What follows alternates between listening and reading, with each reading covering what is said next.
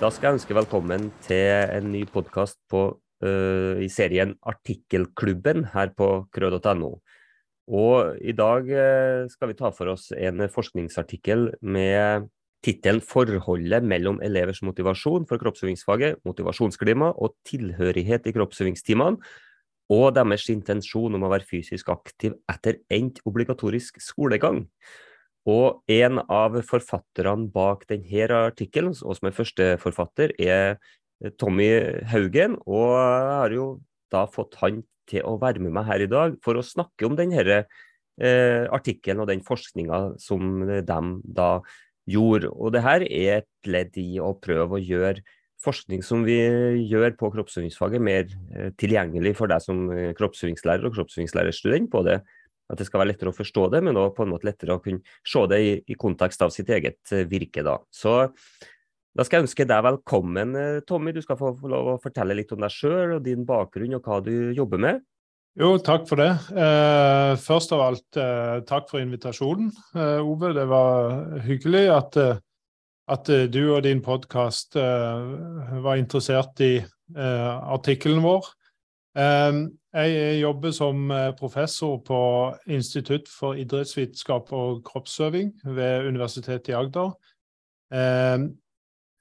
Bakgrunnen min er allmennlærer opprinnelig. Så det er jo en tittel som kanskje har gått helt av, av moten nå. Men, um, men, jeg tok allmennlærerutdanningen, og så har jeg òg en eh, master i idrettsvitenskap. Eh, så jobba jeg noen få år som lærer i ungdomsskolen, eh, før jeg da ble doktorgradsstipendiat eh, og tok en doktorgrad ved Norges idrettshøgskole, som var ferdig i 2013. Og siden da så har jeg jobba her på Universitetet i Agder. Min Ja, det jeg jobber med, er veldig mye eh, kroppsøvingsutdanningen. Jeg har vært eh, fagkoordinator for masterdelen av GLU-utdanning siden 2012 eh, og til 2020. Eh, da overtok jeg ansvaret for disiplinutdanningen vår i idrettsvitenskap. Så akkurat nå så har jeg, har jeg, litt med idrettsvitenskap å gjøre. da. Er primært interessert i pedagogiske og psykososiale aspekter ved læring og utviklingsmiljøer for barn og unge. Så eh, jeg prøver å forklare det veldig enkelt for folk når de spør, og det er rett og slett eh, eh disse disse pedagogisk-psykologiske aspektene som skjer når eh, unge mennesker er i bevegelse i ulike kontekster. Da. Eh, så mange av fenomenene jeg er interessert i, er, er globale, og så undersøker jeg disse i ulike kontekster. Noen ganger i idrettsklubber og i idrettsaktiviteter, andre ganger i kroppsøvingsfaget. Eh, og gjerne en gang iblant òg den type fysisk aktivitet, trening, som skjer sånn selvorganisert. Så, så, mange av de samme prosessene og mekanismene i ulike kontekster. Mm. Uh, så ja. Ja.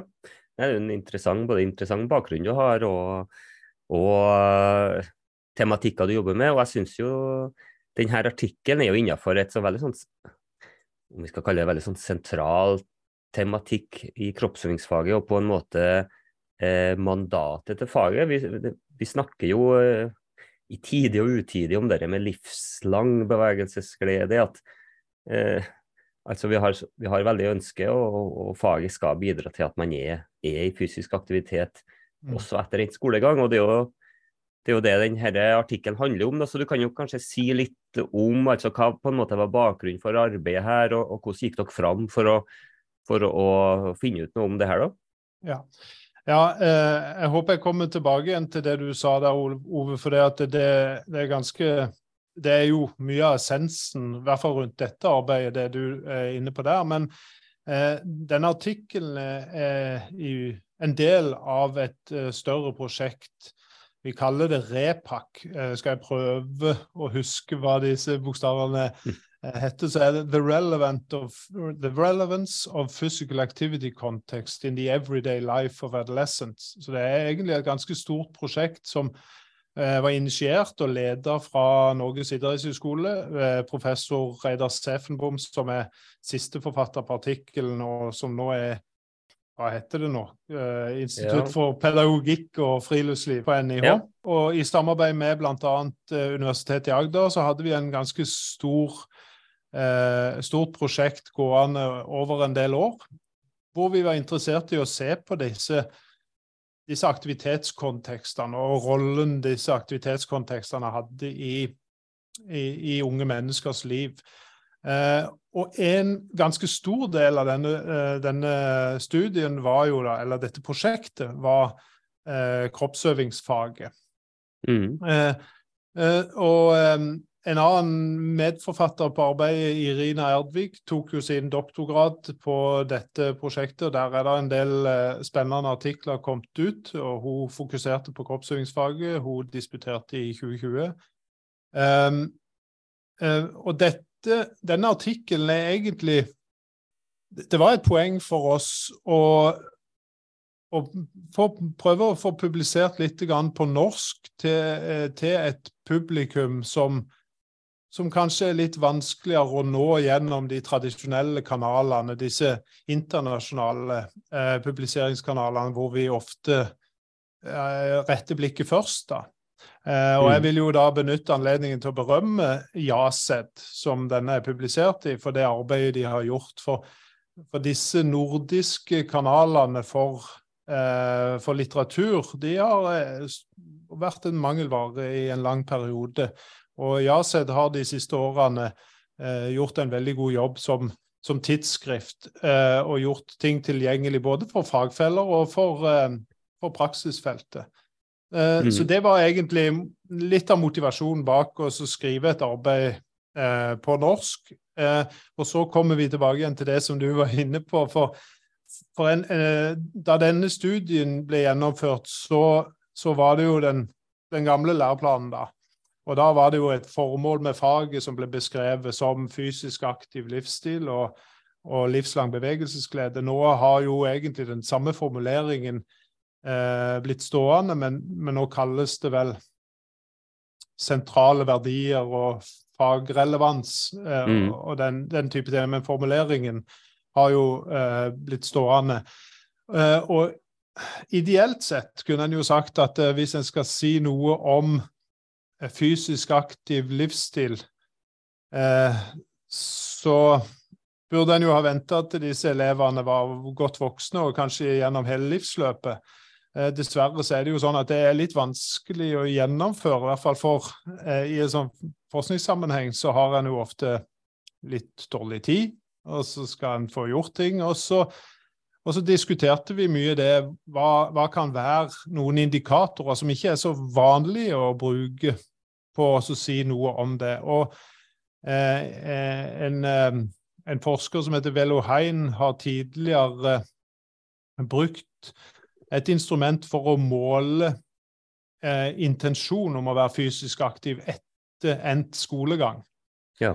Eh, og vi har tidligere brukt det og prøvd å validere det på, eh, på norsk. Eh, og vi tenkte at det kan være en, en, ganske god indikator på hva de tar med seg ut av, av faget.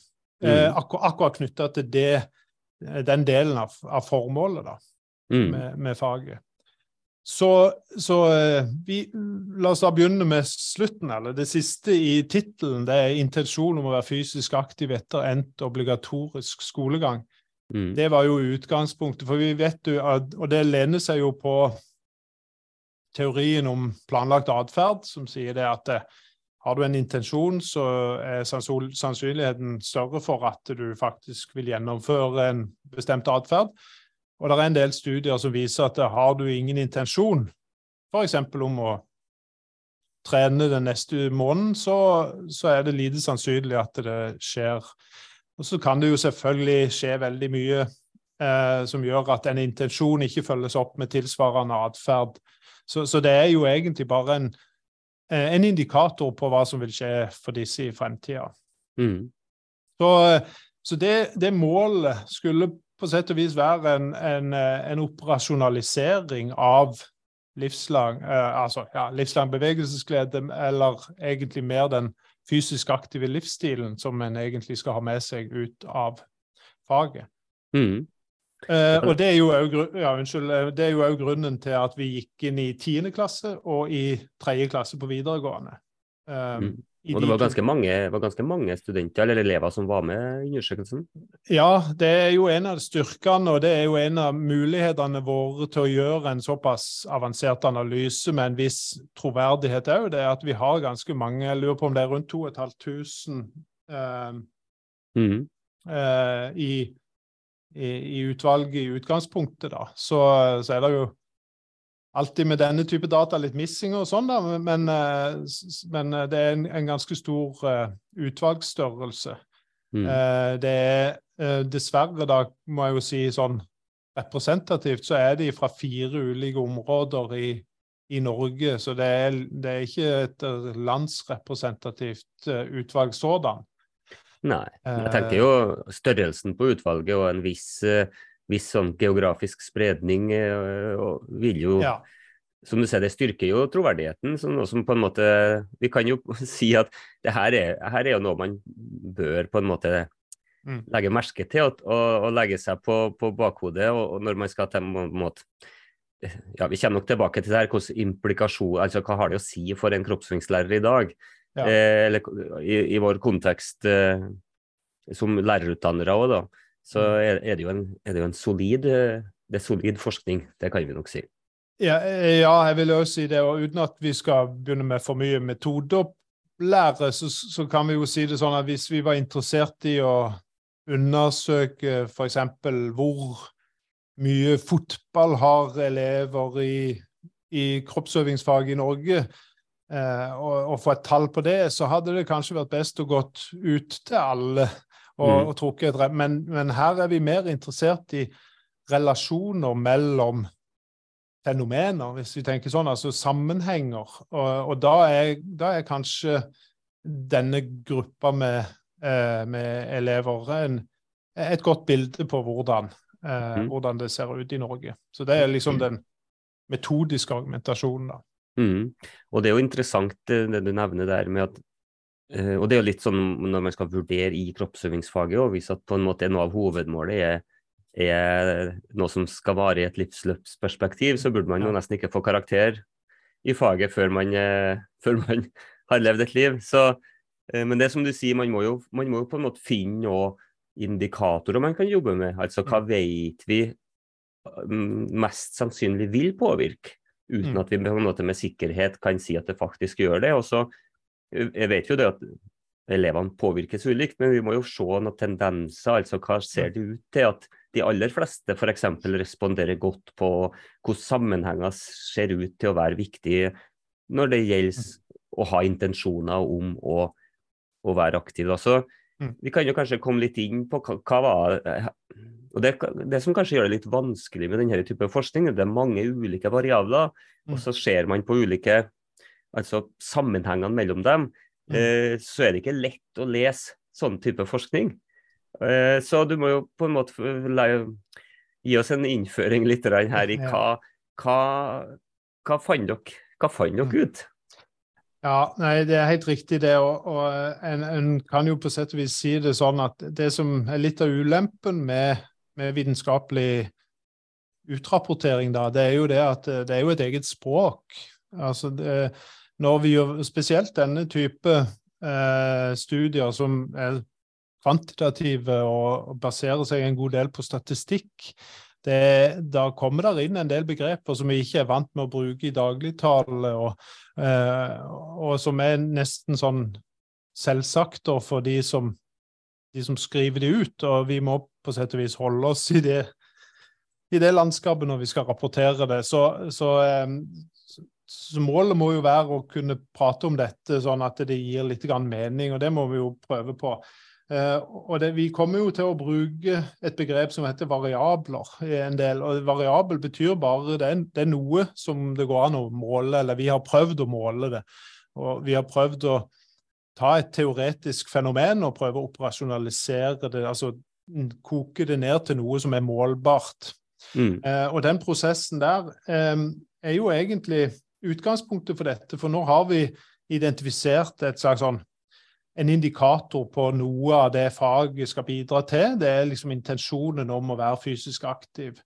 Eh, og så er jo ideen bak dette er jo å teste ut en del av disse mekanismene som ligger i teoriene rundt spesielt motivasjonelle prosesser. Mm. Eh, men òg hva på en måte det læringsmiljøet vi er en del av, kan, kan bidra med i så måte. Eh, og da er det eh, ofte veldig nyttig å sette det inn i en, i en modell og prøve å bekrefte eller avkrefte om, disse, om, om de dataene vi har samla inn, faktisk sier noe i denne retningen. Og det vi gjorde da Vi, vi har på sett og vis en modell i, i, uh, i artikkelen som, som, kan se ganske komplisert ut, men ideen bak den er at vi starter på venstre side i modellen, og der er det en del miljøkomponenter. Altså det er ting som kjennetegner læringsmiljøet i faget. Eh, og det er jo klart at det læringsmiljøet er vanskelig å definere fordi det er så sammensatt, og det kan inneholde veldig mye. Men eh, målperspektivteorien eksempelvis, som vi har tatt utgangspunkt i, er en del. Det er å, å, å eh, begreper som kanskje er ganske vanlig brukt òg i, i sånn faglig diskusjon blant kolleger, er jo dette med at vi kan ha et læringsmiljø som fasiliterer eller har fokus på det å mestre, og fokus på det å jobbe med en oppgave, utvikle seg, og det å eh, ha fokus på egen innsats. Eh, og at det å gjøre feil er en del av læringen og sånn. Og det kan vi kalle et, et mestringsorientert klima. da, Mestringsklima. Mm. Eh, og en sånn en slags motpol, uten at det nødvendigvis er en motpol i, i seg sjøl, så er det dette med å ha et prestasjonsorientert klima, et prestasjonsklima, eh, hvor det er mer det å demonstrere at du er overlegen andre, det å, å vinne over andre eller å, å være best, eller ja, den, den, det aspektet der. Og, og miljøet, klimaet, som vi, enten vi er i skolen eller i idretten, det kan, det kan være mer eller mindre av disse to aspektene. Og ganske mye forskning viser at hvis, hvis vi har på en måte utvikling eller læring i, i fokus, så er veldig ofte et mestringsklima positivt for, for det òg. Ja, både det hvor viktig det er å øve og prøve og få lov til å gjøre feil. Eh, eh, ha en indre referanseramme for hva som er bra eller mindre bra, osv det er ofte bedre enn det å være veldig prestasjonsorientert i, i tidlig, på et tidlig stadie. Mm. Eh, eksempelvis så er det jo sånn at eh, er du veldig fokusert på prestasjon, så vil ofte innsats eller Ja, ja ikke ikke. Eh, innsats blir sett på som en svakhet. Mm. Hvis, du, hvis, du, må yte veldig mye for å lykkes, så blir det sett på som at du kanskje mangler noe. Eh? Så det, det, er jo en sånn en ting hvordan vi ser på det å øve og prøve og bidra med alt det vi har. Mm. Eh, så på den måten så er det denne målperspektivteorien den kan egentlig forklare, og har blitt brukt veldig mye, veldig mye brukt eh, eh, teori for å forstå hva kan klima eller miljøet gjøre med, eh, gjør med den som skal utvikles eller læres. Så det var ett aspekt som vi var interessert i helt til venstre. altså Hva kjennetegner kroppsøvingskonteksten som disse er en del av? Mm. Og så har vi lagt inn, eh, lagt inn, et element som vi kaller tilhørighet. Og, og, tilhørighet er egentlig en beskrivelse av vårt behov for å være akseptert eller føle en sånn en, ja, en tilhørighet da, til til ei gruppe. Mm. Eh, og veldig mye av den motivasjonslitteraturen som ligger der ute, har ett eller flere elementer av dette med tilhørighet. Nå har vi valgt å legge oss i eh, Det er mye eh, en som heter Baumeister, som har jobba med en, det han kaller det 'belongingness hypothesis', altså hypotesen om eh, om eh, tilhørighet, at det er en av de sterkeste drivkraftene hos mennesket, det er at du ønsker å, å høre til et sted. Samtidig som vi vet at ja, Maslow har det jo med veldig tidlig i sin behovspyramide. Det er sentralt i veldig mange andre motivasjonsteorier. Og, og andre sånne identitetsteorier tar jo òg veldig, veldig, inn dette med tilhørighet, som er viktig. Så, så ideen var jo det at eh, opplever du at, eh, at eh, klassen, altså kroppsøvingskonteksten, er et fint sted å være, at du føler deg Støtte, du opplever støtte, oppmerksomhet. Du føler deg akseptert som den du er i denne gruppa. Um, så vil det være en, et gunstig sted for, ja, for læring, egentlig. Eller i hvert fall for, mm, for menneskelig agering. Mm. Eh, så, eh, og så er det jo sånn at eh, det, så det er jo de tingene som vi har prøvd å måle i, i, i fra, fra fra konteksten kroppsøving. Eh, og så har vi kobla dette til intensjonen om å være fysisk aktiv etter endt utdanning. Samtidig så er det sånn at eh, når vi da ser på sammenhenger, for det er det vi egentlig gjør Vi ser hvis den ene er høy, er typisk den andre faktoren høy, osv. Så, videre. så det, det er egentlig sånn Skårer du, eller svarer du høyt på dette, så svarer du òg høyt på det. Så Det er mm. det som er på en måte det banale eh, utgangspunktet. Så er det jo det, det, å se på sammenhenger mellom to aspekter, da, så er det veldig interessant å spørre hvorfor. Ikke sant? Altså, så hvis det er sånn, hvorfor er det sånn at og min opplevelse av tilhørighet har noe å si for min intensjon om å være fysisk aktiv når jeg er ferdig. Hvordan kan det være? Altså, hva er det som er grunnen til at det eventuelt henger sammen? Og Det er da disse mediasjonsanalysene kommer inn. Mm. Eh, og det, det, høres jo veldig eh, på en måte komplisert ut. og Noen ganger så snakker vi om mediasjon, noen ganger snakker vi om en indirekte effekt. Men det er egentlig et forsøk på å, å forklare Eh, med utgangspunkt i en teoretisk antakelse om at sånn kan det være, så prøver vi å forklare hva kan grunnen være til at uh, disse tingene henger sammen? Disse miljøkomponentene henger sammen med min personlige uh, intensjon om å være fysisk aktiv. Så, og da er vi jo inne på, og da bruker vi selvbestemmelsesteorien, som er en veldig, veldig mye brukt og, og en, en, en fin vei inn i dette med å forstå hva som driver folk til å gjøre som de gjør, da. Mm. Eh, så bruker vi det som det som vi kaller da en mekanismefaktor, eller mekanismevariabel, som den medierende faktoren, da, for å si det veldig avansert. Så, mm. Og da legger vi den inn imellom, altså i relasjonen mellom eh, disse faktorene. Så miljøkomponenter på den ene sida, antar vi eh, henger sammen med intensjon om fysisk aktivitet. Og så prøver vi å og så spør vi egentlig er det fordi noe i selvbestemmelsesteorien kan forklare den eh, relasjonen. da. Mm. Ja, det er veldig interessant å, å, høre du forklare om de ulike variablene her. Og, og vi kan jo kanskje nevne at det her er, det er jo en, en ren eh, kvantitativ studie. Så det er klart det er jo elever som har rapportert Eh, svart på spørreskjema, så er det jo kanskje mange utsagn som til sammen lager disse variablene. og det er jo validerte instrument, så det er jo ikke liksom bare eh, spurt er du, har du lav eller høy motivasjon. Det her ja. bruker man jo på en måte ganske avanserte måleinstrument, og så bygger man variabler ut fra mange forskjellige eh, items eller mange forskjellige spørsmål, eh, mm. som man på en måte teoretisk har eh, validert at det her så godt som mulig skal svare på en måte på de teoretiske mm. antakelsene som f.eks. motivasjonsteorien har. Da. Så, og det med tilhørighet tror jeg er, er kanskje viktig at det er med, fordi altså, læringsklimaet i kroppsøving er jo så avhengig av det mellommenneskelige, altså det mm. relasjonelle. Så det er klart det vil ha mye å si hvis du føler utenforskap i mye større grad enn kanskje i andre skolefag.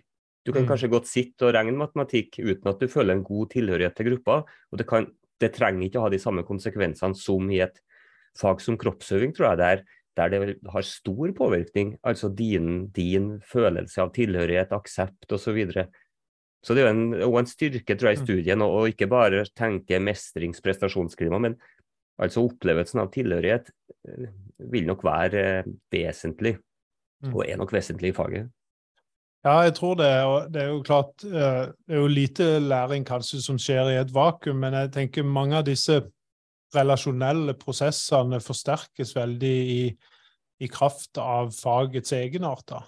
Mm. Uh, og derfor så er det, det er en god grunn til å argumentere for at uh, sånne aspekter som dette vil være, uh, være veldig viktige inn i å forstå, for, forstå kroppsøving som, som aktivitetsarena. da.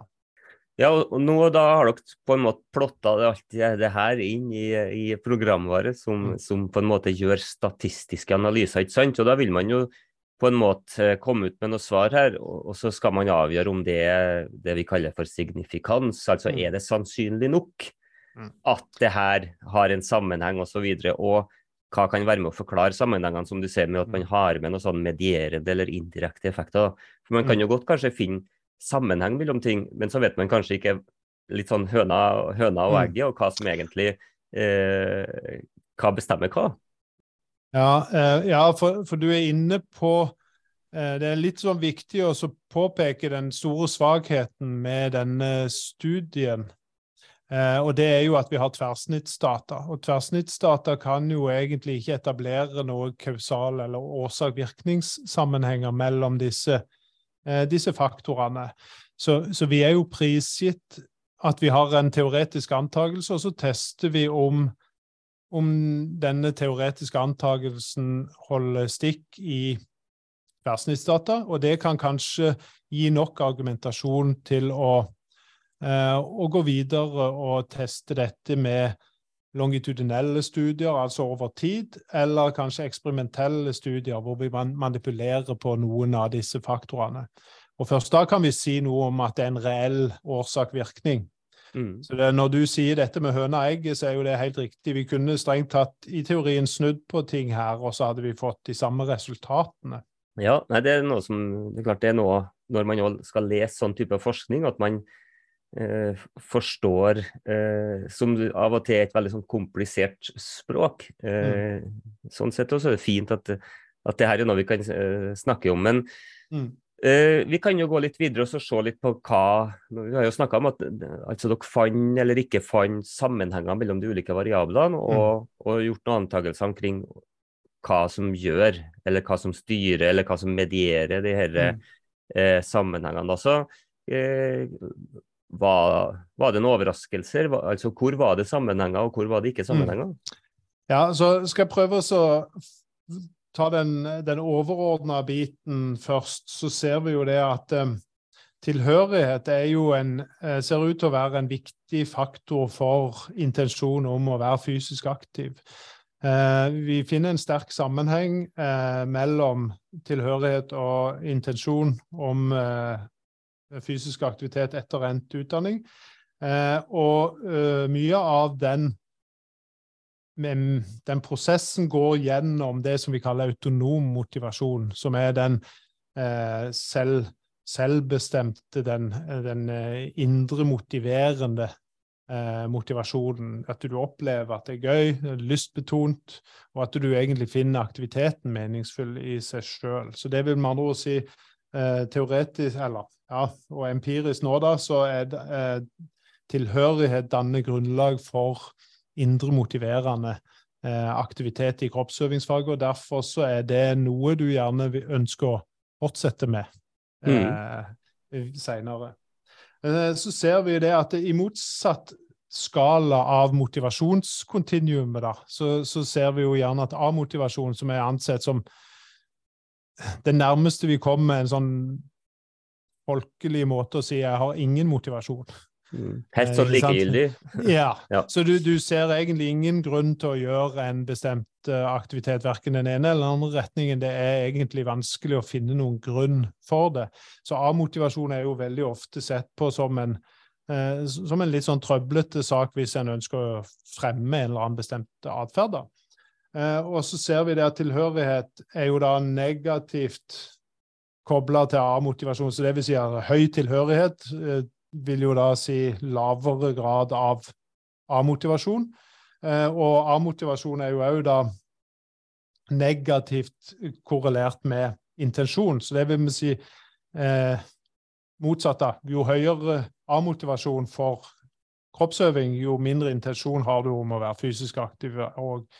Så, eh, så, sånn sett så vil jo tilhørighet tre frem som den som, den som bufrer mot eh, A-motivasjon, og som fasiliterer indre motivasjon, da, så som gir eh, på, påfyll på, mm. på, indre motivasjon. Og det er, er da positivt for intensjonen, den siste. Mm. Så, så, blir det litt mer komplisert. Så jeg lurer på om vi skal snakke om den ytre eller den kontrollerte motivasjonen litt etterpå. Ja. Eh, så, for der blir det litt komplisert, og det er noen antakelser om hvorfor det blir litt, litt komplisert. Men vi ser, eh, går tilbake til målorienteringsteorien, da, så ser vi at det er den mestringsfokuset, det er mestringsorienterte klimaet, det gir en eh, det, det gir den samme eh, assosiasjonen, den positive assosiasjonen til intensjonen om å være fysisk aktiv eh, gjennom eh, påfyll av autonom motivasjon. Så den er i tråd med antakelsene ganske tydelig, at det er en positiv dimensjon. Mm.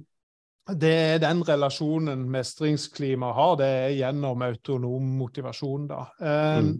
Så har du prestasjonsklima, og det er jo òg sånn at den prøvde jeg å litt sånn karikert å si var den en, en litt sånn stygg ulv i et læringsøyemed, og det får en for så vidt bekrefta gjennom en, en relativt sterk kobling mellom prestasjonsklima og A-motivasjon. Så det vil si at det mye, opplever du mye prestasjonsorientert i gruppa som du er en del av i klassen, så, så øker sjansen for at du òg har en del A-motivasjon, da, eller i hvert fall høyere grad av motivasjon.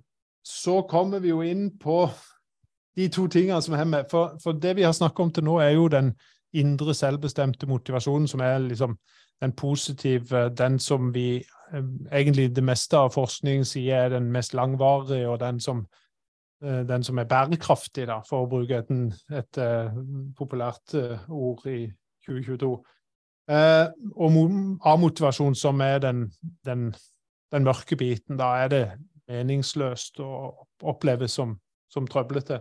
Og så har du en motivasjonsdimensjon som egentlig er kanskje litt sånn Kanskje på grensa til uglesett, men som ikke nødvendigvis trenger å være det. For den kontrollerte delen av motivasjonen, vi kan kalle den ytre regulering òg, men mm. uh, det er egentlig uh, Da er det Du gjør det jo selvvalgt og frivillig, og du ser en grunn til å gjøre, gjøre det men det er gjerne styrt fra et eller annet utenfor. Det kan være så enkelt som straff og belønning, men det kan òg være at du tenker ja, men dette er bra for meg en gang i framtida. Det er lurt at jeg gjør dette fordi det vil føre til det. Så det er mer en sånn en, eh, en ytre regulering, da. Det er jo derfor det kalles eh, Det, er kontrollert av noe som ikke er inni i deg. Mm. Og Dette kompliserer egentlig bildet, og spesielt hvis vi tenker på en intensjon. For den intensjonen er jo egentlig ikke lada knytta til om det skal være en indre drivkraft eller en ytre drivkraft. Jeg kan ha en intensjon om å trene, eh, jeg later i hvert fall som det når jeg snakker med dere. Så, så later jeg som at jeg har en intensjon om å trene. Men grunnen til at jeg trener, er jo for å holde meg i form, kanskje. Eller eller å hindre diabetes i, en gang i framtida, for jeg har en antakelse om at det da er lurt å trene. Så intensjonen den kan jo være sammensatt av en del på en måte både motiv- og motivasjonsprosesser som ikke nødvendigvis er knytta til autonome eh, mm. aspekter.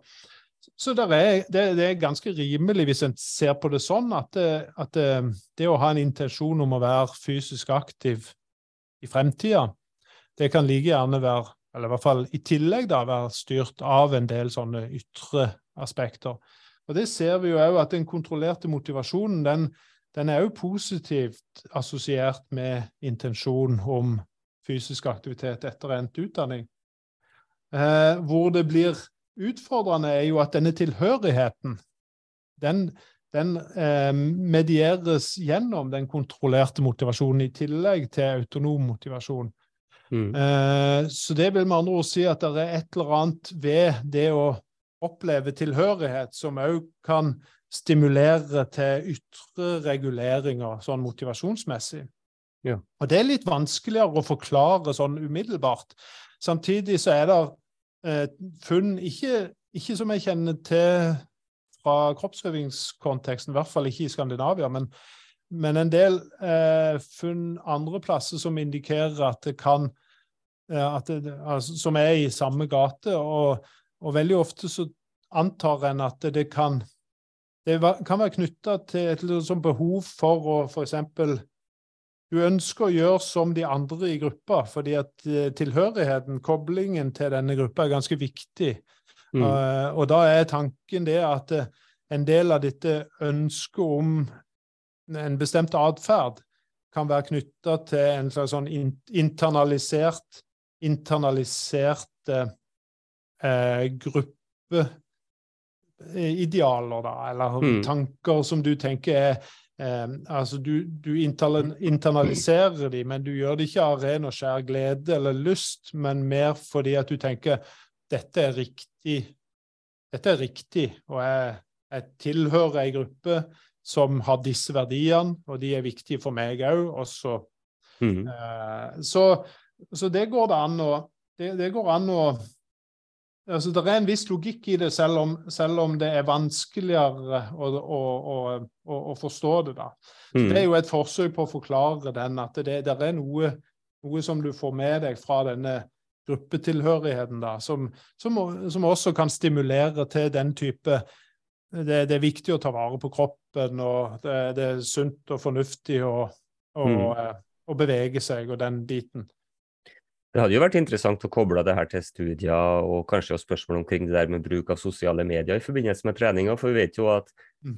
motivasjonen for mange eh, Jeg har jo hørt om, hørt om dem som liksom har du glemt telefonen, så kutter du treningsøkta, for da får du ikke tatt bilde for å legge det ut. ikke sant? Altså den, det drivet ifra å Ja, som du sier, gjør det din sosiale gruppe forventer at du skal gjøre. ikke sant? Du gjør det kanskje ikke bare av ren skjær eh, indre lyst for å trene.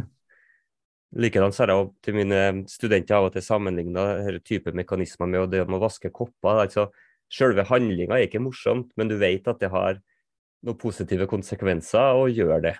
Og noen mm. negative hvis du ikke gjør det. Så det er på en måte en ekstern form for motivasjon. Eh, men den er ja, du har en veldig stor forståelse for at du skal gjøre det, og du gjør det òg. mm. Så Nei, det, det, er mange måter å se denne type motivasjon på. Som du sier, det, det kompliserer bildet litt når at mm. tilhørighet ser ut til å, å, mediere både den autonome og den kontrollerte motivasjonen. Mm.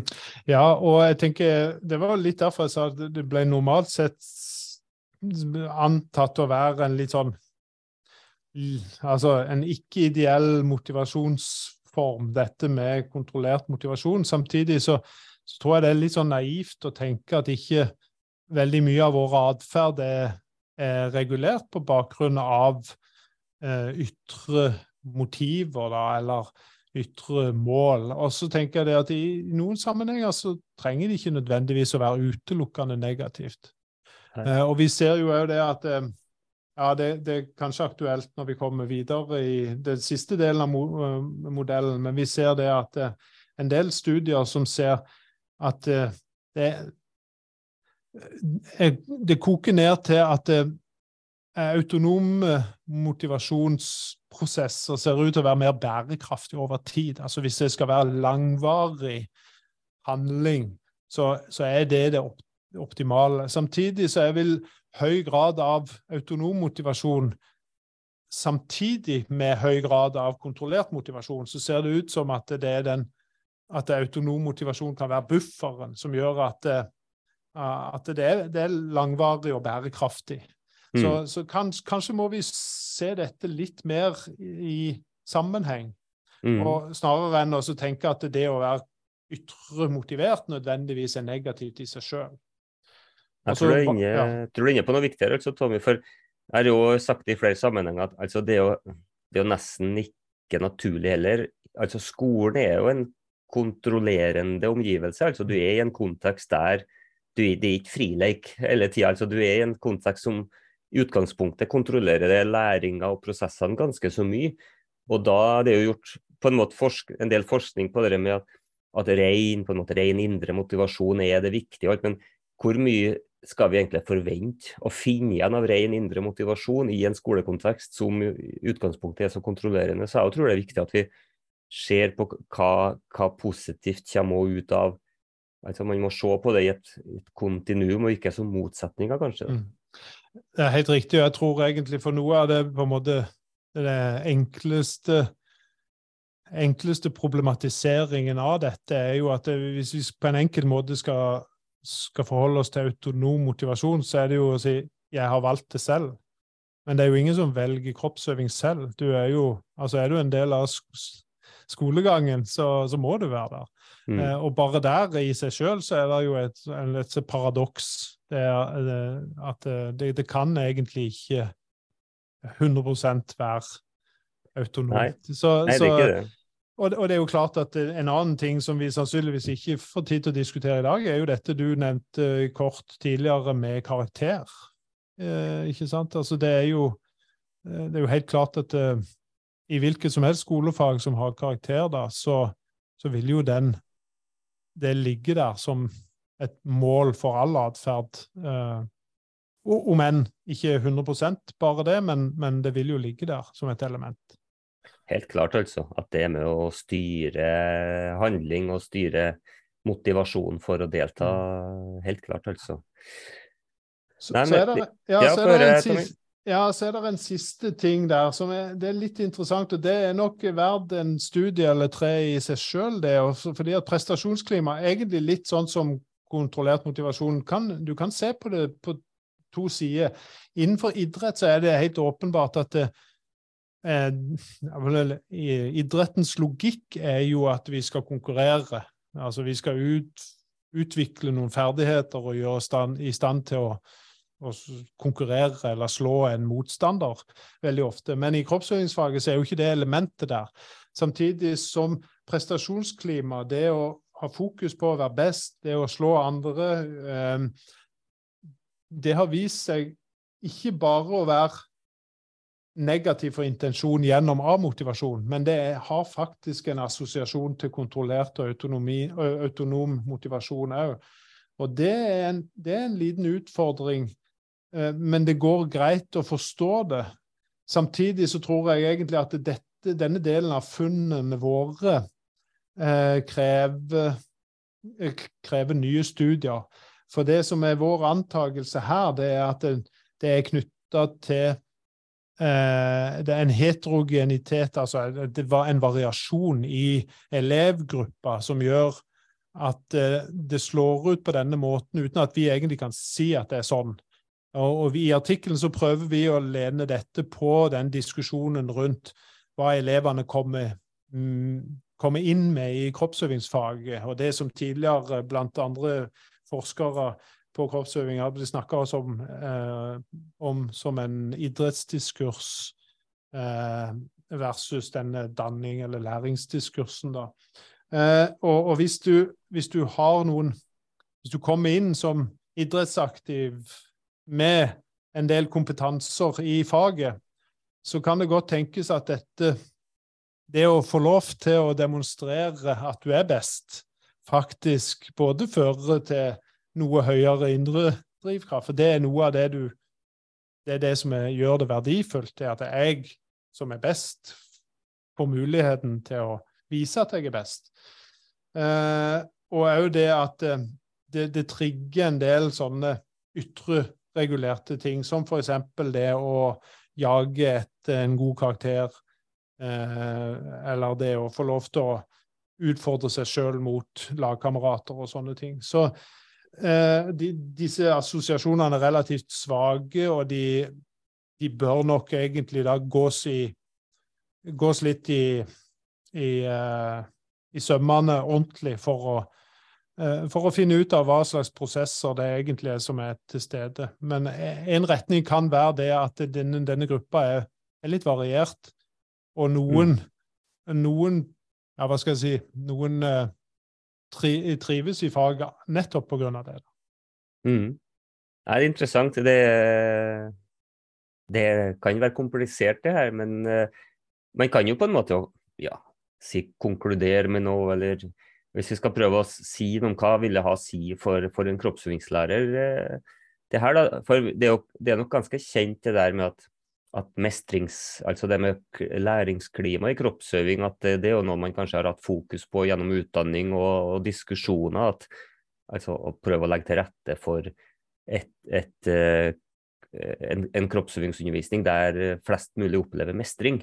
Mm. er nok bra eh, sånn sett. Men det har kanskje ikke vært så mye fokus på det med tilhørighet. Så det kan kanskje være på en måte noe nytt denne forskninga tilfører deg som kroppsøvingslærer. At du òg ikke bare tenker på å skille mellom og, uh, det med mestring og prestasjon, men òg på en måte ha et øye for og legge til rette for ja, mer relasjonell, at, at det fungerer godt relasjonelt. Da, at, at mm. klassemiljøet er godt. at tilhørigheten er god. og Det kan jo være en god argumentasjon for at ok, vi, vi, vi skal på, ut på tur, overnattingstur, fordi det vet vi er viktig for mm. tilhørigheten i gruppa å ha fokus kanskje like mye på det med tilhørighet da, som at det skal være enten mm. mestringsorientert eller prestasjonsorientert klima. Jeg vet ikke, jeg Skal det være anbefalinga? Drei fokuset litt mer på tilhørighet?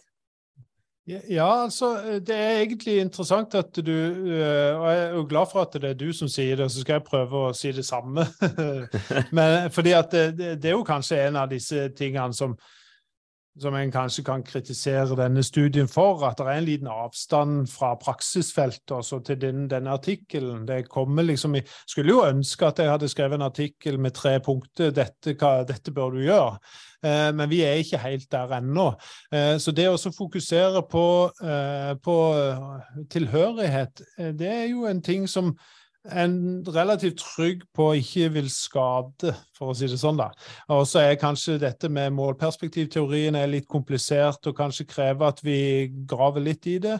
Men å tenke det at det, det å, å, å, legge til rette for et godt samhold, et, at kroppsøvingstimene skal være et trygt sted å være for alle, det tror jeg, det, det tror jeg er på en måte enda Denne studien er enda en indikator på på hvor viktig det kan være, da.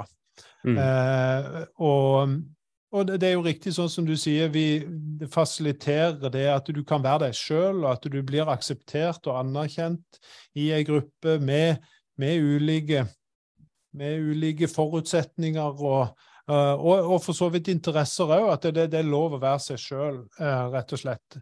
Og det tror jeg, selv om det ikke er nødvendigvis denne studien som skal forklare hvordan det skal gjøres, eller eh, sånn, så tror jeg det er, det er et av de bidragene til denne artikkelen, eh, tenker jeg. Det det er, viktigheten av det å være trygg og føle at du, du hører til i, i den konteksten. Mm. Fint, eh, Tommy. Nå har vi jo fått snakka både litt om, om, studien, bakgrunn og på en måte hva det kom fram til, og hva vi tenker det her eh, skal ha å si for, eh, for kroppsøvingslærere i dag og, og, og, og framover. Så jeg vet ikke, er det noen siste ting du tenker vi skulle ha nevnt akkurat om selve studien, før vi begynner å runde av her? Nei, altså jeg vil egentlig bare oppfordre de som hører på, til å hoppe ut i det. Uh, intensjonen er ikke aldri fra oss, i hvert fall de som jobber med kvantitativ forskning, det er aldri å flotte seg eller drive med snobberi. Vi bruker det språket som egentlig må til for å, for å rapportere det ut ifra, og, og, kunne sammenligne med andre studier og sånn. Men, men eh, jeg tror dette kan være en, en artikkel å begynne med. Eh, mm. For de som føler at eh, at kvantitativ forskning, eller denne, dette språket som vi bruker, er litt, eh, litt vanskelig å få, få, grep på. da. Mm. Eh, så, så istedenfor å altså, hoppe hopp i det og lese den, og så ta kontakt med noen av forfatterne hvis det er et eller annet du lurer på. Ja. det er så enkelt. Ja, jeg tenker jeg altså oppfordrer jo til det. Det er jo noe av hensikten bak denne artikkelklubbserien og, mange av disse podkastepisodene. At, at, liksom, at, det skal skape noe grunnlag for diskusjon i faggrupper rundt omkring på skoler. Så les artikkelen og hør episoden her. Og så gå sammen og diskutere, gå, gå, og så på en måte oversette til, til, sin egen kontekst. Se hva gjør vi på vår skole i kroppsøving som vi kanskje kan gjøre litt annerledes. For f.eks. å få et større fokus på det med tilhørighet i Altså den opplevde tilhørigheten elevene har. da. Da, jeg bruker å stille et spørsmål helt til slutt i denne podkasten til alle som er med. og det er jo Om du kort kan si hva tenker du det er for mye av, og hva er det for lite av i kroppsøving? Ja, um, jeg kunne jo ha svart mye, og det hadde vært uh, veldig morsomt. Men jeg, jeg, skal prøve å svare litt grann provoserende. Uh, og, så, skal jeg jo klare Jeg skal ikke klare å Eller vi, vi, lykkes nok ikke med å fullføre den diskusjonen, men hvis det skal være et utgangspunkt, så for diskusjon der ute, uh, så, så, legger jeg meg til hogg her. For jeg, jeg mener det er altfor mye fokus på at kroppsøving skal være gøy. Ja. Eh, Altfor stort fokus på at kroppsøving skal være gøy. Samtidig så syns jeg det er altfor lite fokus på at kroppsøving skal være gøy. Eh, så det vil med andre ord si at det er, det er, jo litt teit, og det er jo et paradoks, det jeg sier. Eh, men det jeg mener, er at det, er veldig mye riktig i det at det å ha et fokus på at ting i kroppsøvingsfag skal være gøy, det kan være utfordrende hvis vi tenker læring. For læring vet vi er ofte hardt arbeid. Det kan være tøft og tungt. Eh, og det er ikke nødvendigvis alltid sånn at, eh, at det er behagelig eller gledesfullt i alle sammenhenger. Samtidig så er det noe, hvis vi ser på fagets sentrale verdier og fagrelevans, Altså det som egentlig faget skal bidra med, så er det kanskje i større grad i kroppsøvingsfaget viktig at det også er gøy. For livslang bevegelsesglede det er blitt en sånn floskel, og det er veldig vanskelig å måle det. Men, men det er klart at eh, det er veldig viktig at, at vi har et element i dette faget som ikke er nødvendigvis er parallelt i de andre skolefagene. Så det kan være en utfordring hvis, hvis vi tenker læring, men det er òg ekstremt viktig at vi får det til, for det skal være gøy. For hvis ikke, så tror jeg vi kan se langt etter livslang bevegelsesglede og fysisk aktiv livsstil. Mm. Så eh, det, er et paradoks som jeg tror ikke vi kommer ut av, men som fortjener å bli diskutert. Eh, det var egentlig Ja. ja. Det, du, legger, du, legger, litt grunnlag for diskusjon eh, rundt omkring her, Tommy, og det er veldig bra. Det er, det er for lite av faglig diskusjon omkring i kroppsøvingsmiljøene, stort sett, og det er savna. Og så man må komme videre enn bare å skal telle opp uh, utstyrslageret når man har uh, samarbeidstid, og man må på en måte hevde sin rett som kroppsøvingsfag òg, der man av og til opplever at eh, når det skal være teamtid og fagtid, så må man gå på de andre faggruppene enn kroppsøving. Så mm.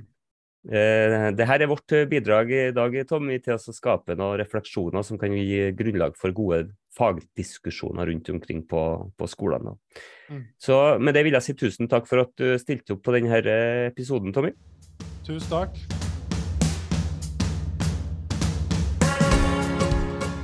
Du har nå hørt en podkast fra krøe.no. Følg oss gjerne på Facebook, og ta gjerne en titt på nettsida vår òg, krøe.no. Podkastene her finner du i din vanlige podkastkanal, og om du vil anbefale oss til en venn, så setter vi veldig stor pris på det.